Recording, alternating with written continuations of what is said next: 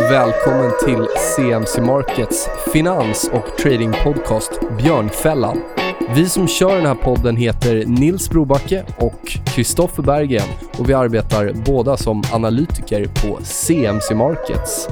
CMC Markets är nätmäklaren som riktar sig mot dig som är intresserad av aktiv handel. Vi erbjuder handel i CFDer på aktier, index, råvaror, räntepapper och valuta i fler än 10 000 produkter världen över. All handel sker via vår kostnadsfria och prisbelönta handelsplattform. Vi finns nu i 17 länder och är börsnoterade på London Stock Exchange.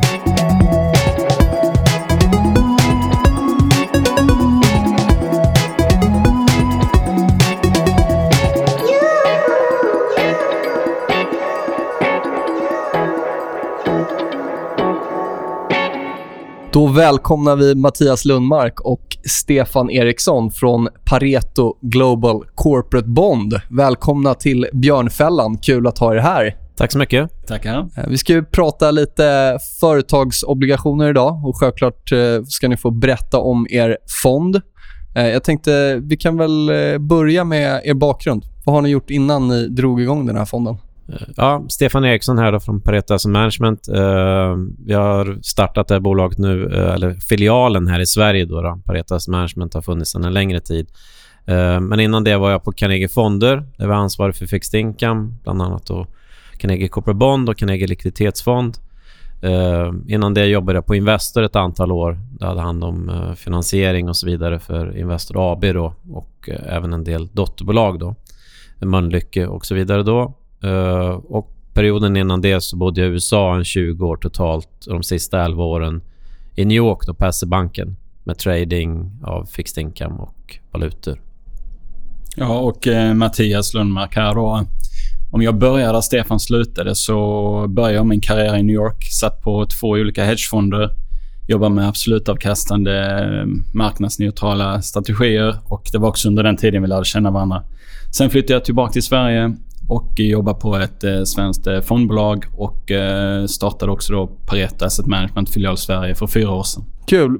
Berätta lite mer om vi kommer in på förvaltningsfilosofin där. Vi har ju förstått att det här är en företagsobligationsfond som inriktar sig mot den globala marknaden. Men vi kan väl komma in och gå lite mer på djupet där. Uh, ja, så tanken med den här då var att, uh, att vi ska ha i sin yttersta del då en, en uh, global exponering då, då vi tittar väldigt mycket på eh, intjäningen då. då. Eh, och det betyder att vi behöver inte nödvändigtvis handla en sydamerikansk obligation eller tvärtom. Det är där, vi, där är vi inte då, eller i Asien då. Eh, och den andra delen var att vi ville ta ner risken då. Ni hör lite grann kanske. Jag är en räntenörd. Mattias är en försiktig marknadsneutral. Så vi har försökt ta de här 15-20 åren av vår erfarenhet och ta fram en strategi som passar oss och vår eh, filosofi för förvaltning. Då. Och Det är väl en försiktig eh, ta ner risker som vi kan eh, och jobba mycket med kontantavkastning och, och lägre volatilitet. Då, då, Och då har vi tagit bort sektorer då som är mer då boom-bust som vi pratar om. då. Och Det har varit sen start. Då, då. Vi återkommer till det sen. Att att det även då har en hållbarhetsanknytning. Då. Men det är väldigt viktigt att poängtera att vi gjorde det utifrån att försöka maximera riskjusterade avkastningen. Då, då. Och då är det borta då alla eh, sektorer som har att göra med eh, råvaror eh, och då kommer vi även in då på fossilt och sen tar vi heller inte eh, icke säkerställd fastigheter. Då. Eh, där har vi också då en, en erfarenhet båda från New York, då, från båda sidorna. Då. Så Mattias, du kan väl flika in då från... Nej, men det är väl att eh, sektorer som har eh, väldigt tydlig extern prisrisk eh, är någonting som vi inte riktigt eh, är komfortabla med och vi tycker kanske inte passar i den här typen av eh, global defensiv eh, inriktning. Så eh, hela sektorer med tydlig extern prisrisk, vare sig det är oljepriset eller fastighetspris eller räntepris som faktiskt också är en extern prisrisk, väljer vi bort och fokuserar då istället på nischade globala eh, underleverantörer eh, som vi tycker är lite mer, eh, vad ska man säga, eh, attraktiva för fondens räkning. Vi hörde ju här att ni har väldigt lång erfarenhet från den här marknaden. Vad skulle ni säga är de stora förändringarna om vi blickar tillbaka tio år bakåt i tiden? Ja, det stora är ju centralbankerna då, då. och det är det här man har pratat om. Och det, det som startade hela då, det här med då kvantitativa lättnader och det här med QE, det var ju för att rädda bostadsmarknaden i USA. Jag satt på SE-banken och hade hand om likviditetsportfölj för, för bankens räkning som var pantsatt hos Federal Reserve.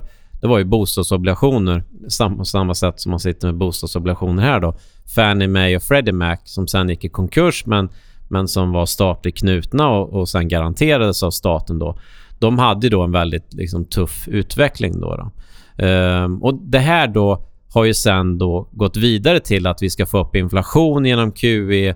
Ehm, sen har det här gått och nästan... Eh, att man ska fylla massa syften med, med det här med QE. Man ska få upp förtroendet i, i samhället och så vidare då. Så vi tycker väl att de har tagit det väldigt långt då. Nu är det inte vi som bestämmer det här då, då men, men det här har ju då gjort att för första gången på 100 år då, så har värderingar då på, på statsräntor och, och aktier högt värderade då. Och Det här poängterade på en konferens i New York med Goldman Sachs på deras globala strateg att det här har aldrig skett på 100 år. Då. Och då menar vi att vi tycker att det finns ett skapligt värde i företagsobligationer eh, mer defensiva, lite mer konservativt då, eh, för att där har vi då kuponger. Så fixed income har ju blivit fixed no income.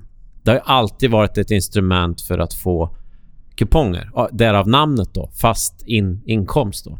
Och det är det man alltid då har, har levt på då. Och den carryn är ju nu borta då i, i många delar då. När vi ändå är inne på det där med centralbankerna. Fed, ECB bland annat, har ju byggt upp ganska stora balansräkningar. Eh, hur...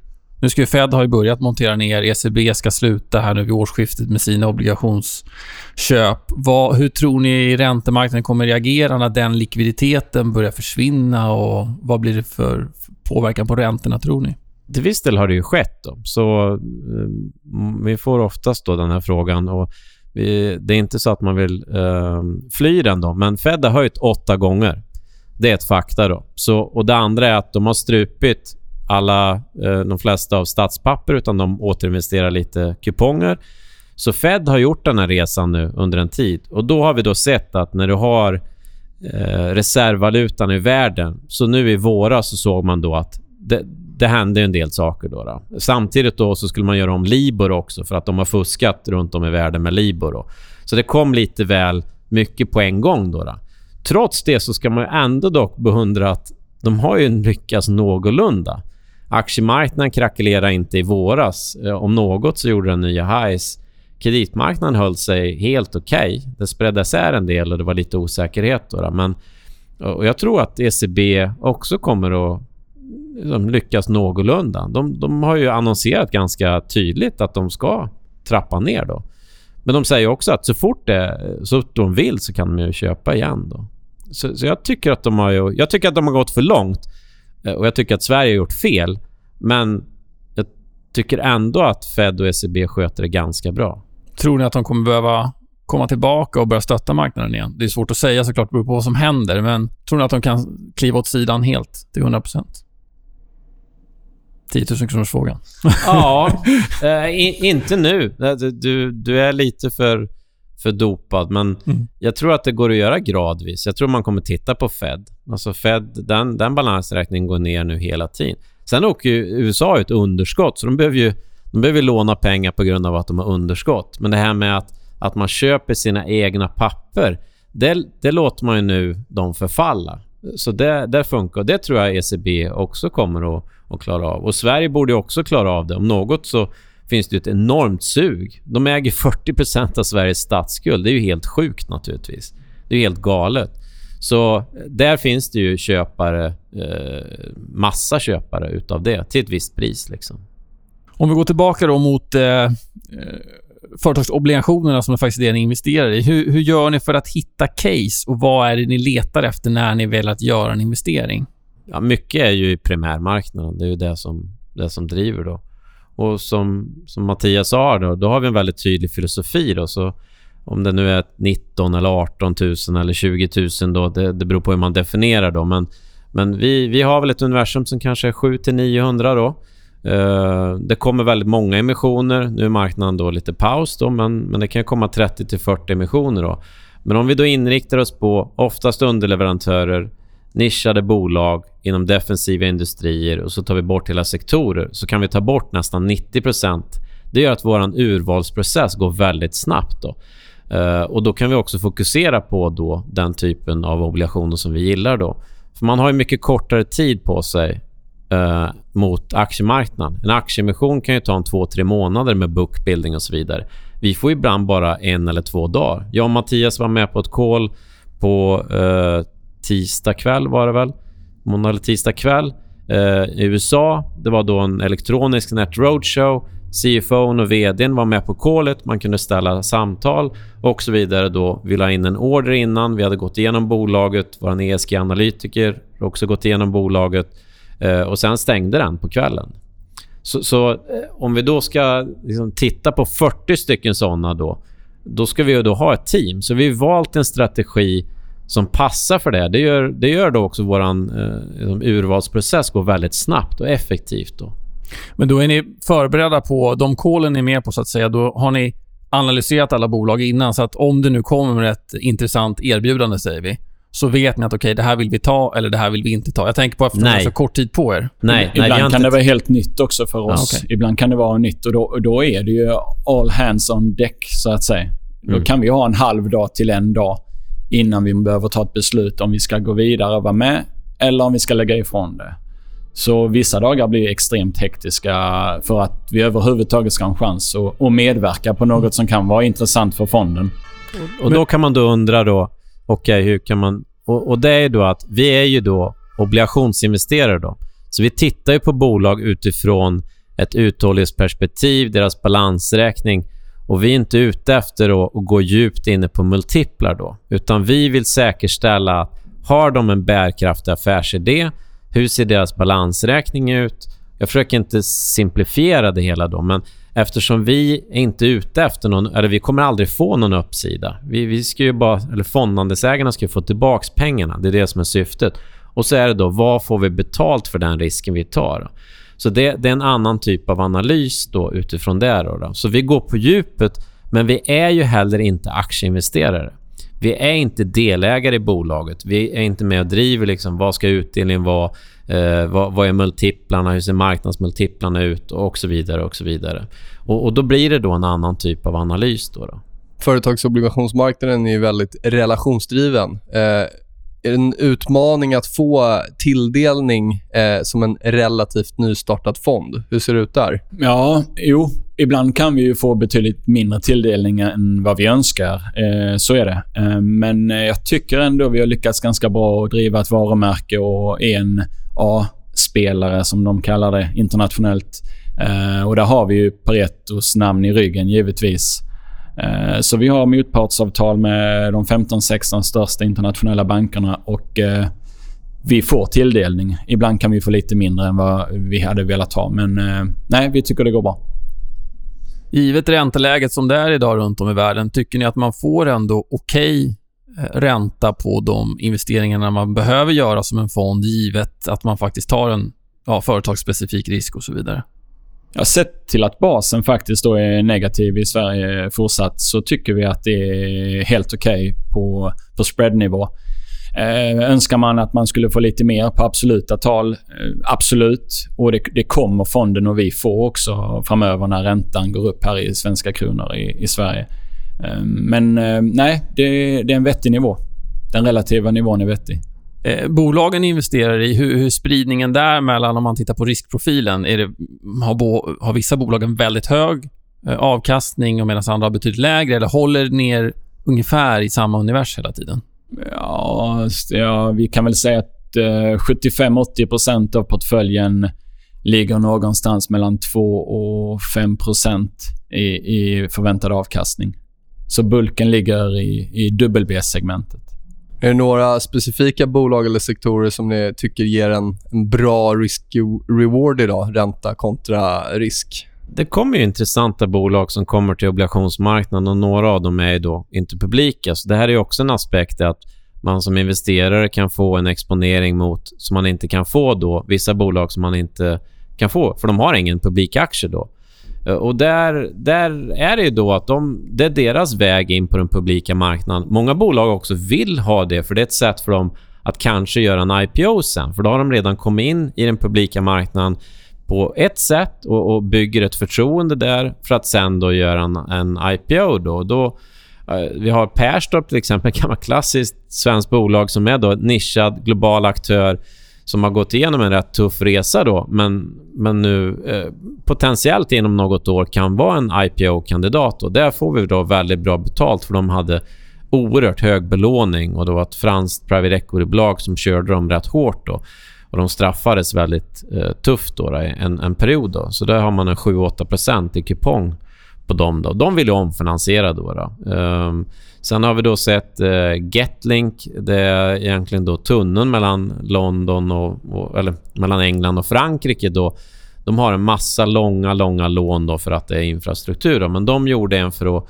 Eh, det var en grön bond, den första high yield grön bonden då, men det var en dubbel B då, så det, high yield låter alltid väldigt hårt då, då. Det låter som om det är liksom rena förhoppningsbolag då. Det här det här har ju funnits en start då. Det, det är för att eh, eh, skifta priserna för elektricitet på ett bra sätt mellan Frankrike och England. Och Det här är enda avtalet som icke är tvunget att vara genom EU. Så det här är det enda avtalet som skulle överleva en Brexit. Då. Så de väldigt, och det har, eh, det har de varit på i, i rätten ett par gånger. då. Men, men det, de har då lagt in någon, någon ny typ av teknologi där de, där de eh, binder samman sitt grid. Då. Eh, och då, då kan eh, få ner kostnader. Så om det är högre kostnader i Frankrike så skiftar de bara. Så, eh, så kör de över elektricitet och det går då genom tunneln. Då, då. Och den här bonden då som sattes då var specifikt för det här eh, hållbara projektet. Då, då. Så, så en del av det här hållbarhet kommer då som, som då är då, eh, om det är då lite nytt och inte då bara rena fastigheter då, så, så får vi vettigt betalt här då. då. Uh, vad är det mer var det med om? Uh, Worldwide Flight Services. Um, den har ett annat namn nu för den är sålt. Då. Det, det är bagagehantering då, på en global nivå. Också då nischat och liksom ingen, ingen sån där känd sektor. Då, då. Men okej, okay, vi kommer flyga fortsatt då, då, och vi kommer ha bagage då. Uh, så mycket sånt tittar vi på. Långa obligationer åker ju på det när räntan stiger. Hur står sig företagsobligationer där? Ja, de åker ju också på. då. Men de åker på mer om de har lägre kuponger, då går ju då hela marknadsrörelsen eh, på den. Då. Så investment grade blir ju väldigt drabbad när eh, om du har en sexårig duration och du har noll i kupong och marknaden rör sig 1% då sjunker den 6 då. Det är så matten funkar då.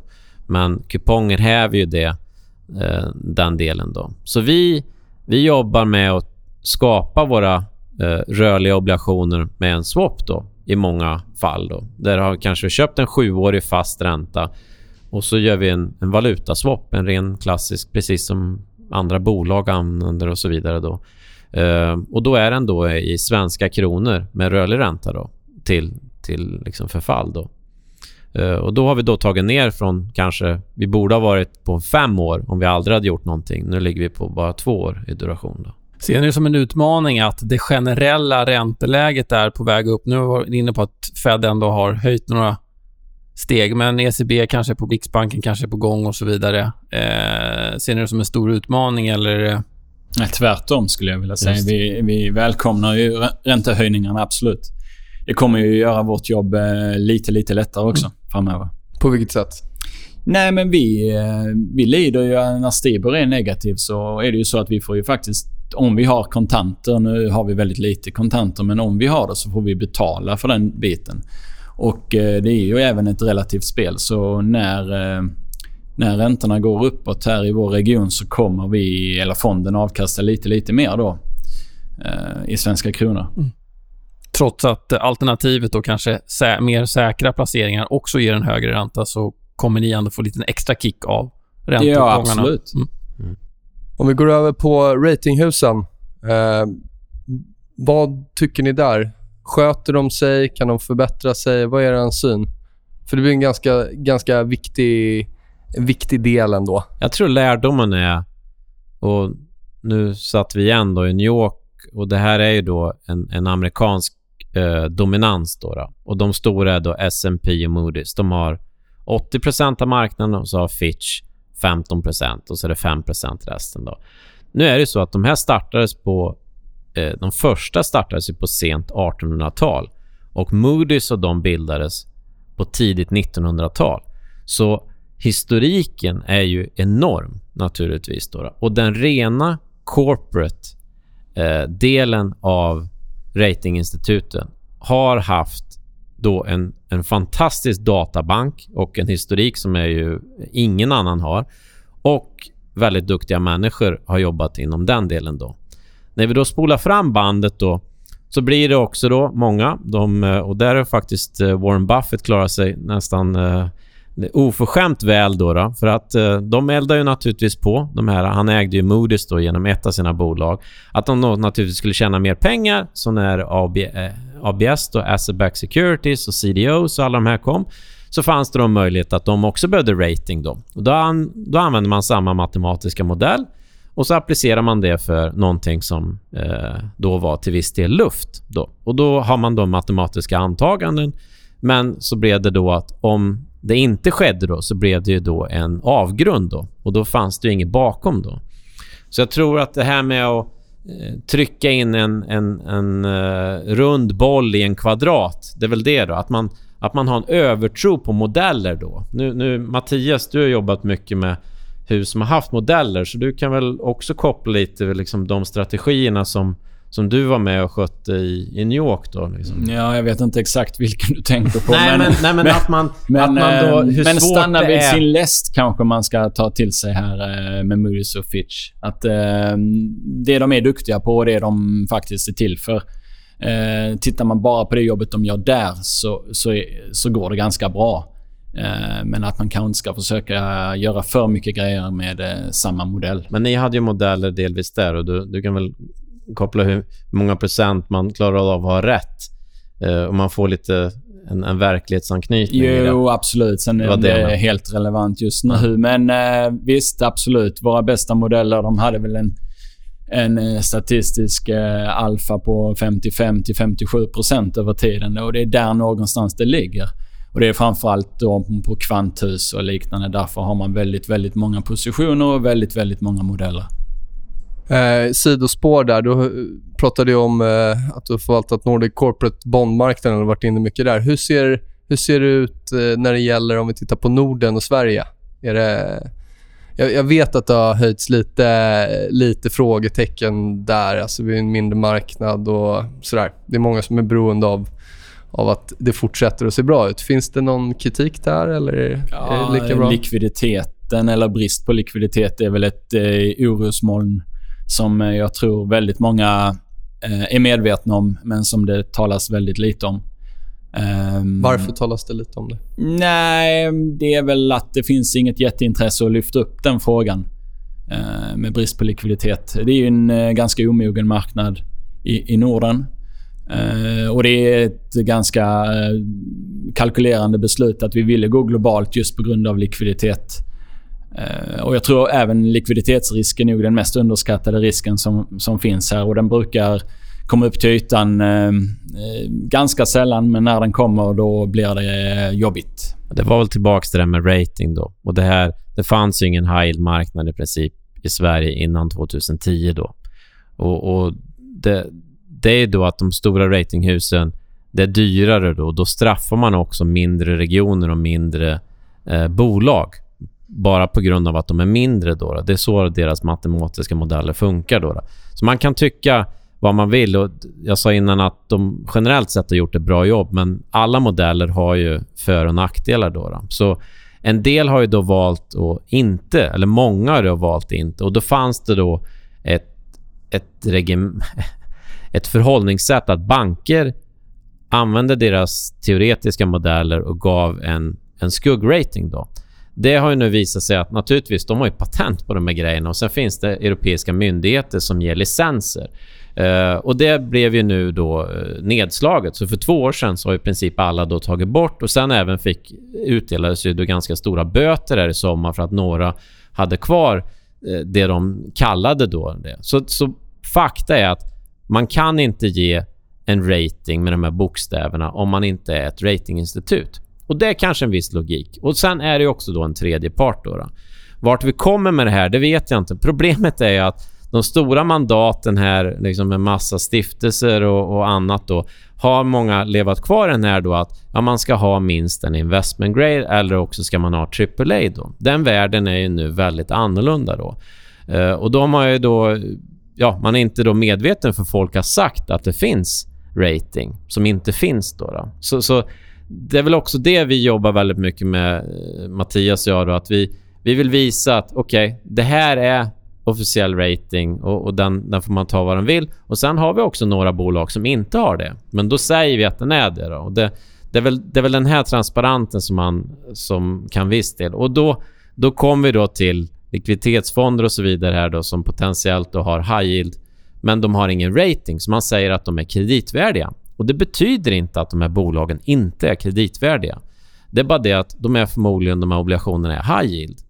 Och, och då, då, ska de kanske inte in i de andra mandaten. Då. Men ser ni det som en risk att det har kommit in high yield-segment i fonder som kanske inte ska ha den typen av placeringar? Eller är det alldeles för liten del i fonden för att det ska utgöra någon risk? Det är absolut egentligen? den största risken. Det var precis det som hände i USA. Mm. Och det, det var det att man, man säljer grejer som, som inte är vad det är. För att man fick inte mer än 1% från 2003 i USA när jag satt där då. Uh, räntan var... Det var där starten var på hela det här racet då. Och då fick man då till att man gjorde eh, uh, stycka upp alla kassaflöden och så gjorde man en RMBS och så sa man att om vi har Eh, 5 000 bostadslån runt om i USA så är de diversifierade och de har då lite betalningshistorik och så kallar man det då subprime. Och alla kommer inte gå i konken samtidigt då och därav har du då och så går du då vidare då och då får du då mer betalt då. Och det är lite liknande här också. Här har vi då projektfinansiering då. Så det betyder Klövern eh, är ett jättefint bolag. Rutger har varit fantastiskt duktig men deras obligationer är high yield. Det är bara det att de har inget officiellt kreditbetyg då. Och då kan man ju då lägga dem där man tycker själv. Då, då. Det har ju, vi har pratat om det här förut också, att pensionsbolag, livbolag och så vidare, framförallt i Sverige, har gått längre och längre och längre ut på riskskalan just för att få in få mm. avkastning. Mm. Eh, ser ni det som en risk att man har tagit in för mycket high yield, så att säga, eh, i sin kostym i relation till vad man behöver? Um, jag tror de har faktiskt mest har köpt egna fastigheter. Utan man har tagit likviditetsrisk. Och det, det tror jag att de klarar av. Den, den tror jag är mindre, eh, om man nu ska säga farlig för marknaden. För det, de, de ska nog ha en jättelång... Och, och fastigheter är, en fantastisk investering. Det, det, handlar inte om det. Och då, då äger de ju hela... Alltså de är direktägande. Då är det ju inte då projektfinansiering. Då, då. Eh, och sen har de då en del inom eh, eh, infrastruktur och så vidare. Då. Eh, problemet är att du kan inte ha allt i det. Då. De måste ju också ha likviditet. Finns det nåt som en aktieinvesterare kan lära av en företagsobligationsförvaltare? Klassiskt är att man säger att räntesidan är lite vassare. ja, där, där vet jag inte om vi skulle säga att vi. Vi, vi har alltid, jag, har alltid, jag har alltid levat i den här uh, världen att uh, de högst, högst upp på den här skalan är aktier. Eh, så de, de får leva eh, där uppe då, i den, eh, den delen då. Men det är klart att mycket av det man har pratat om är att man får bättre utdelning än ränta. Och den har ju varit helt korrekt. Det, därför var det säkert liksom ett helt rätt tänk utifrån ett totalperspektiv att man har mer aktier än den delen. då. Nu är det ju dock så att aktier går ju inte alltid upp. Då, då. Då får man ju avgöra själv då vinner. Men om man då ska prissätta utifrån den amerikanska tioåringen och göra multipel då, då, då är klart att då ska väl då per matematisk definition då ska multiplarna ner då. då. Nu, eh, jag säger inte, eller Mattias då, att, att vi säger att aktiemarknaden ska fortsatt ner då, då men om det nu är det man tittar på då, då, då är det klart att då får man ta hänsyn till, till den. Så det, det, är klart att den är en viktig parameter. Sen tycker jag man ska titta på spreadar i förhållande till Eh, till multiplar också. Då, då, Och där har ju då faktiskt kreditmarknaden har spreadat ur procentuellt mer i en miljö som är någorlunda gynnsam än vad aktiemarknaden har gått. Då. Men om man pratar om själva bolagsanalysen då. Eh, den som aktieplacerare, för jag kan tänka mig att finansiell stabilitet i bolag är väldigt viktigt för er just för att ni kanske inte går så långt ut på riskskalan heller vad gäller att ni söker avkastning och så. Hur, hur gör ni för att analysera bolagens finansiella stabilitet? Går ni efter specifika nyckeltal? Vad, vad vill ni inte se i ett bolag, så att säga?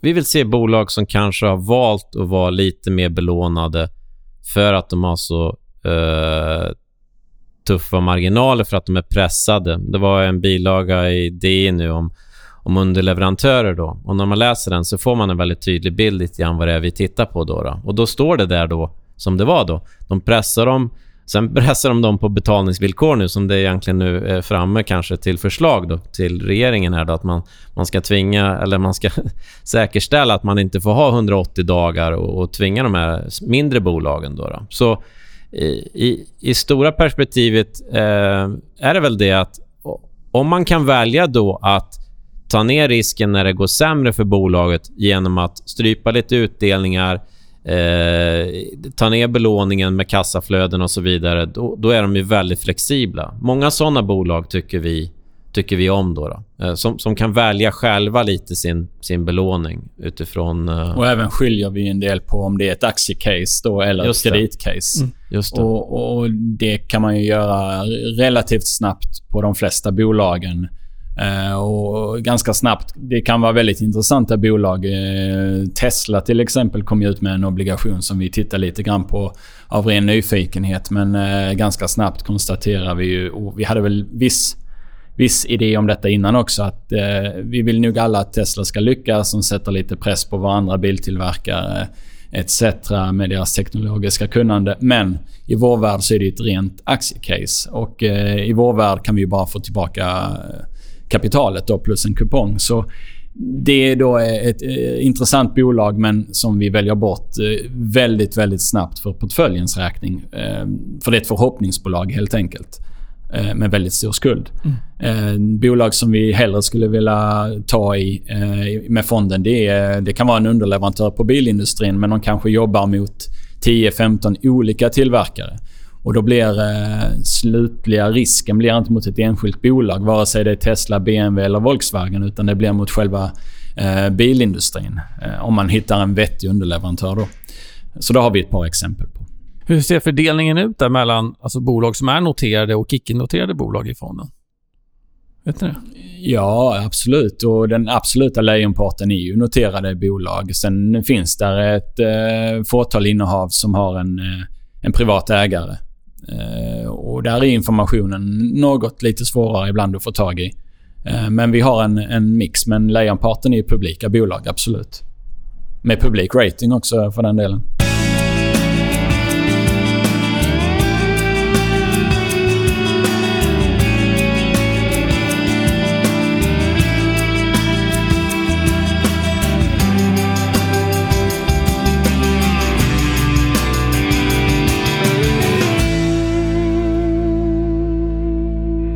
När jag försöker definiera risk-on, risk-off för index så gillar jag att kika. Jag tittar på flera parametrar, men jag gillar USAs eh, hyggindex, alltså High Yield Corporate Bond. Nu vet jag att den är väldigt energi energiexponerad. Då. Eh, är det någonting annat som ni tycker att eh, aktieplacerare ska ha koll på som relaterar till obligationsmarknaden? Eh, ratios, räntespreadar, lutning på yieldkurvan. Vad, vad är viktigt, tror ni? Volatilitet har ju visat sig också då. Nu, nu blir det... Nu går ju det väldigt snabbt då, mm. per, per definition nästan då. Men, men det är klart att vi har levat i en, en lågvolatil eh, värld som har tryckts ner volatilitet av tillbaka till det här med centralbanker och så mm. vidare. De, de har ju tagit bort en del av priset på, eller minskat priset på risk då, då strukturellt. Då, då. Eh, och då har man då sett att när det sker så sker det då i standardavvikelse som är mycket större än vad det har varit historiskt sett. Då. Om någonting var fem standardavvikelser så ibland har man sett då 20. Så, så det, det, är väl den, där. den idiosynkratiska risken tror jag har, har ökat. Har ni någon syn där annars på hyggen i USA? Eh, för mig har 86 varit en viktig teknisk nivå. Nu är vi nere på 84 tror jag. Och det finns inte jättemycket stöd därunder om det skulle braka på här ytterligare. Det är väl om oljan då fortsätter att gå ner. Då mm. kan den ju göra, eftersom precis som du poängterar mm. då, så har den ju en hel del inom den delen då. Mm. Och den, det var ju det som den hade väldigt tufft då i eh, december 15 till 15 februari 16 då. då. Eh, och då gick den ju väldigt, väldigt våldsamt. Då, då. Mm. Men vi har ju ingen energiexponering då. då så, men rent, rent från ett tekniskt perspektiv så Eh, ja, det är, några eh, supplybolag i USA nu som, som har, har det lite tuffare då. Mm. Men det är klart, är oljan kvar över 70 så, så är många bo bolag eh, eh, positiva kassaflödesmässigt. Då.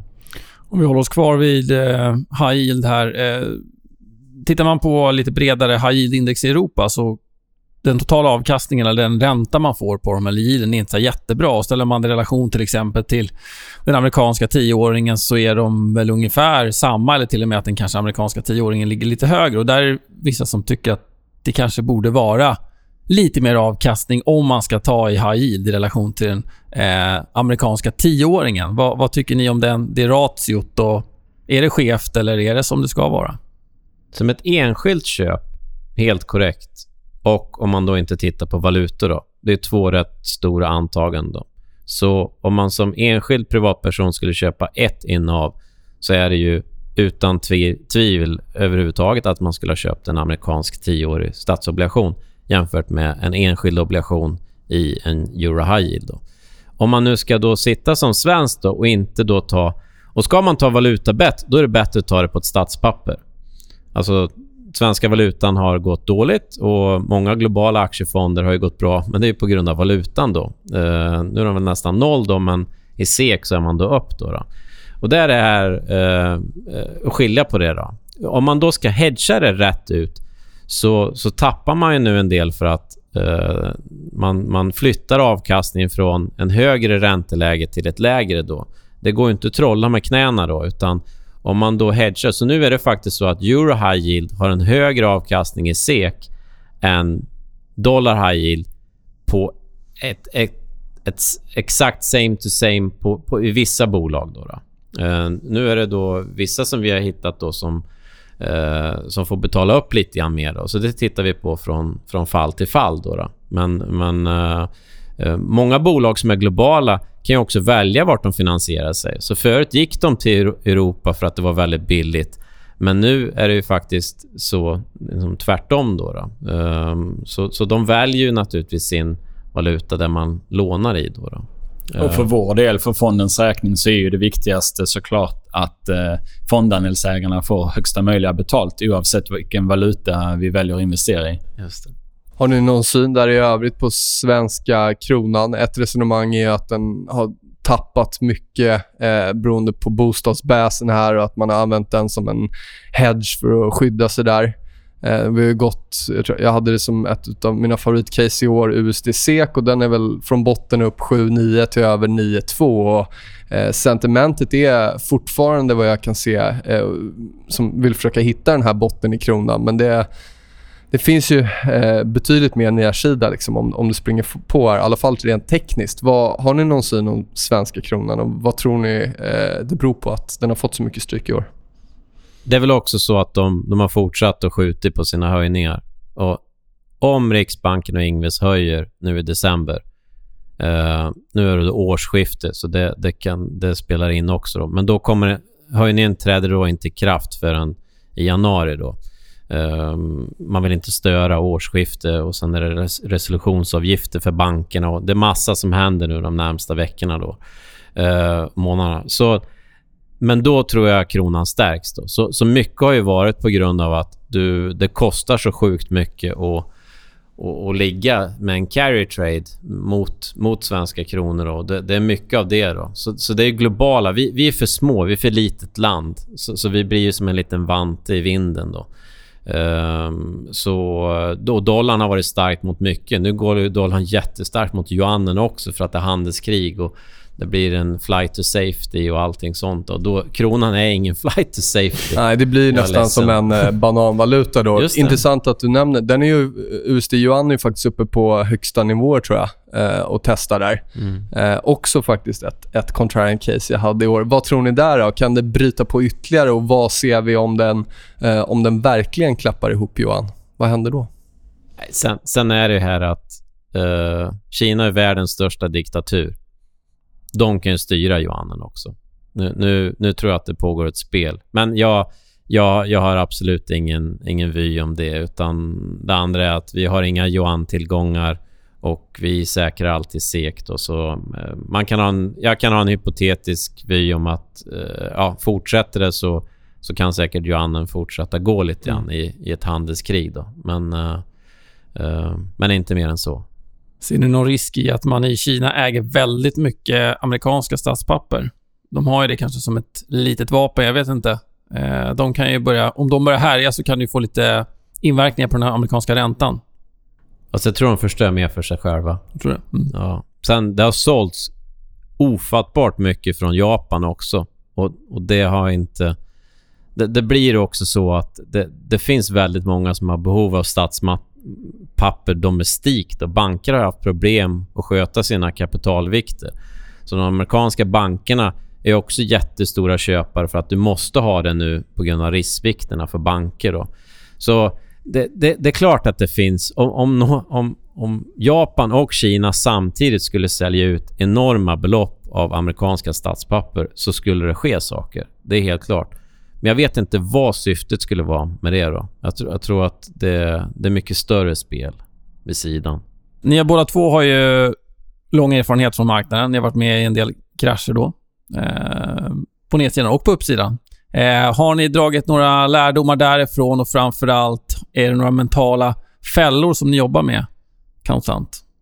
Att, att hela tiden inse också att man alltid tar risk Eh, eh, oavsett. Då. Det känns mycket tryggare och jag är mer försiktig. Mattias får svara också sen för sig själv naturligtvis. Jag ska inte svara för honom. Men att, eh, att om du väljer att inte göra någonting så tar du ett beslut. Och jag vet inte exakt vad det kallas då. då. Men, men det finns säkert någon koppling till det då. Och det, det är väl det att okej, okay, jag väljer att jag tar ingen ränterisk. An, ja, men, men du väljer då att, att, att ta lägre ränterisk och det är egentligen ett aktivt val där du säger att du tror att räntorna ska gå upp. Då. Sen, sen syns inte det med en gång. då. Jag väljer att lägga pengarna i, i madrassen. Ja, men då, då, då frångår du potentiell avkastning också. Då. Det, det är bara det att det känns bättre inombords. Och det, det har jag nog eh, känt hur, hur det är när man har varit market maker då i New York Västerbanken på, på viss del. Att man, den där känslan att, att det gör ont i magen då. Men, men också komma till den in, uh, införsikten att uh, du tar ett beslut vad du än gör då. Och då blir det lite lättare att ta ett aktivt beslut. Uh, och ta ett icke-aktivt beslut är alltid känns lättare inombords då. Och jag skulle vilja säga att vi har väl båda kommit till insikt att eh, sitta och handla i marknaden är, det är svårt. Det är svårt på riktigt. Och framförallt är det någonting som inte vi tycker att vi, eh, vi kan slå marknaden långsiktigt och göra. Det, det kostar för mycket att ha fel. Så vi kommer inte gå in ur marknaden utan fonden kommer konsekvent vara fullt investerad i det mandatet som fonden ska vara. Ni arbetade ju ändå båda vad ska jag säga, professionellt under finanskrisen. Tror ni att den har färgat er lite extra vad gäller det här att vara riskavärt och som jag varit inne på tidigare? Kanske. Man, man, det är väl klart att man påverkas. Nu var ju också New York... Sen var det ju också en, en personlig aspekt av det som hände med 9-11 och allting sånt också. Då. Men, eh, men, men det, eh, visst, visst är det så. Sen, sen är jag, jag har sett många som är väldigt, väldigt duktiga risktagare. Så, så det finns alltid såna som naturligtvis är är väldigt duktiga på det. Då. Och det, det handlar nog mer om en, en insikt lite grann eh, vad man har för kanske personlighet själv. Då, då. Så jag tror... Jag, jag har i alla fall hittat något, ett medium där man kan ta man kan ta med sig det hantverk man lärde med att trada. Så jag tradar futures, jag har suttit med propprisk och, och så vidare då. Men, uh, och ta med sig det hantverket och, och kunna uh, hitta vägar för att, uh, för att hitta avkastning. Det, det har jag väl med mig.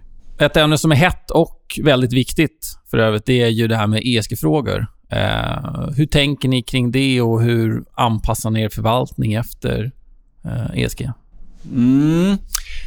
Ja, ska väl betona då att eh, ESG-aspekten eh, är ju ett resultat av strategin så att säga. Så vi har inte ändrat strategi eh, under årets lopp utan vi har hela tiden valt bort då, som vi pratade lite tidigare om, boom-bust-sektorer. Nu är det så att många av de här boom-bust-sektorerna har ett eh, icke så hållbart eh, icke så hållbar inriktning alltid. Vilket gör att våra innehav har väldigt hög score eller väldigt hög värdering från ett ESG-perspektiv.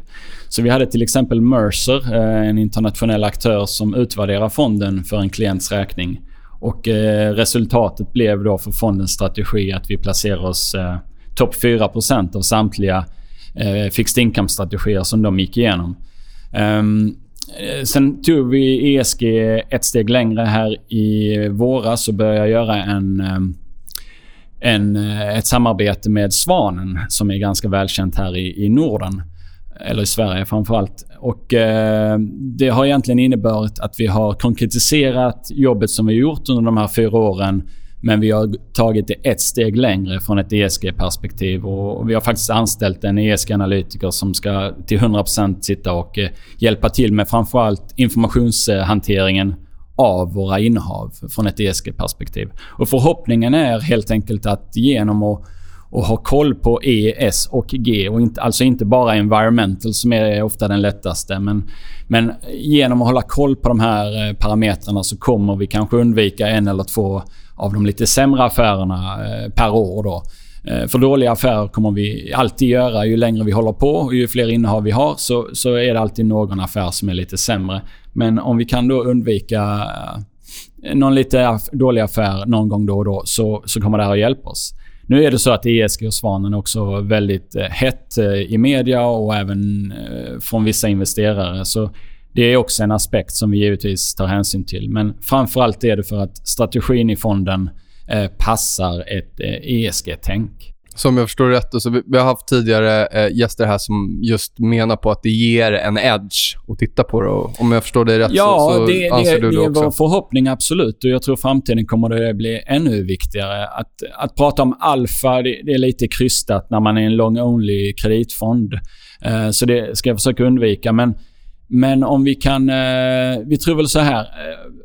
Företag som är hållbara idag kommer få en bättre avkastning än bolag som inte har en hållbar profil framöver. Och sen om vi kallar det alfa eller vad vi kallar det, det spelar egentligen ingen roll.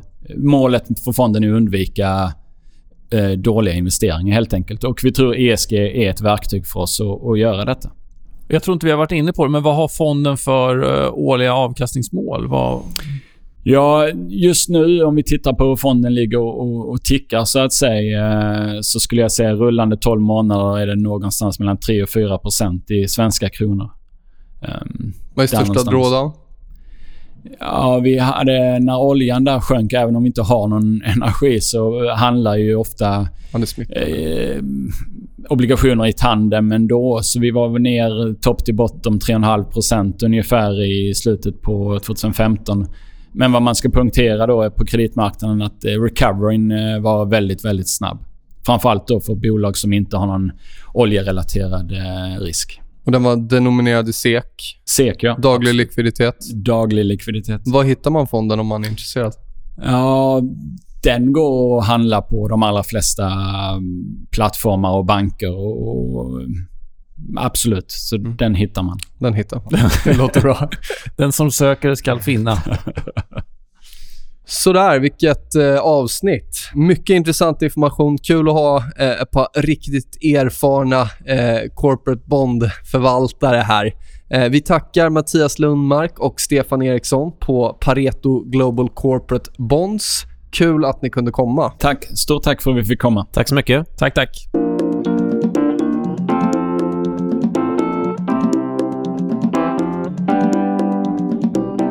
Sådär då, avsnitt 60, in the bag, som vi säger. Eh, har ni frågor och funderingar, tveka inte att höra av er till oss. Missa inte Trade CMC eller tidigare avsnitt i Björnfällan. Kom gärna med feedback och eh, åsikter om vem vi ska träffa härnäst eller vad vi ska prata om. Har vi något annat här, Kristoffer? Nej. Skriv, skriv, skriv en review Eh, så vi vet vad ni tycker också. Ja. Inte bara sitta där hemma på kammaren och tänka, utan kommunicera med oss. Grymt, då säger vi så. Tack. Tack, tack. Wherever I've been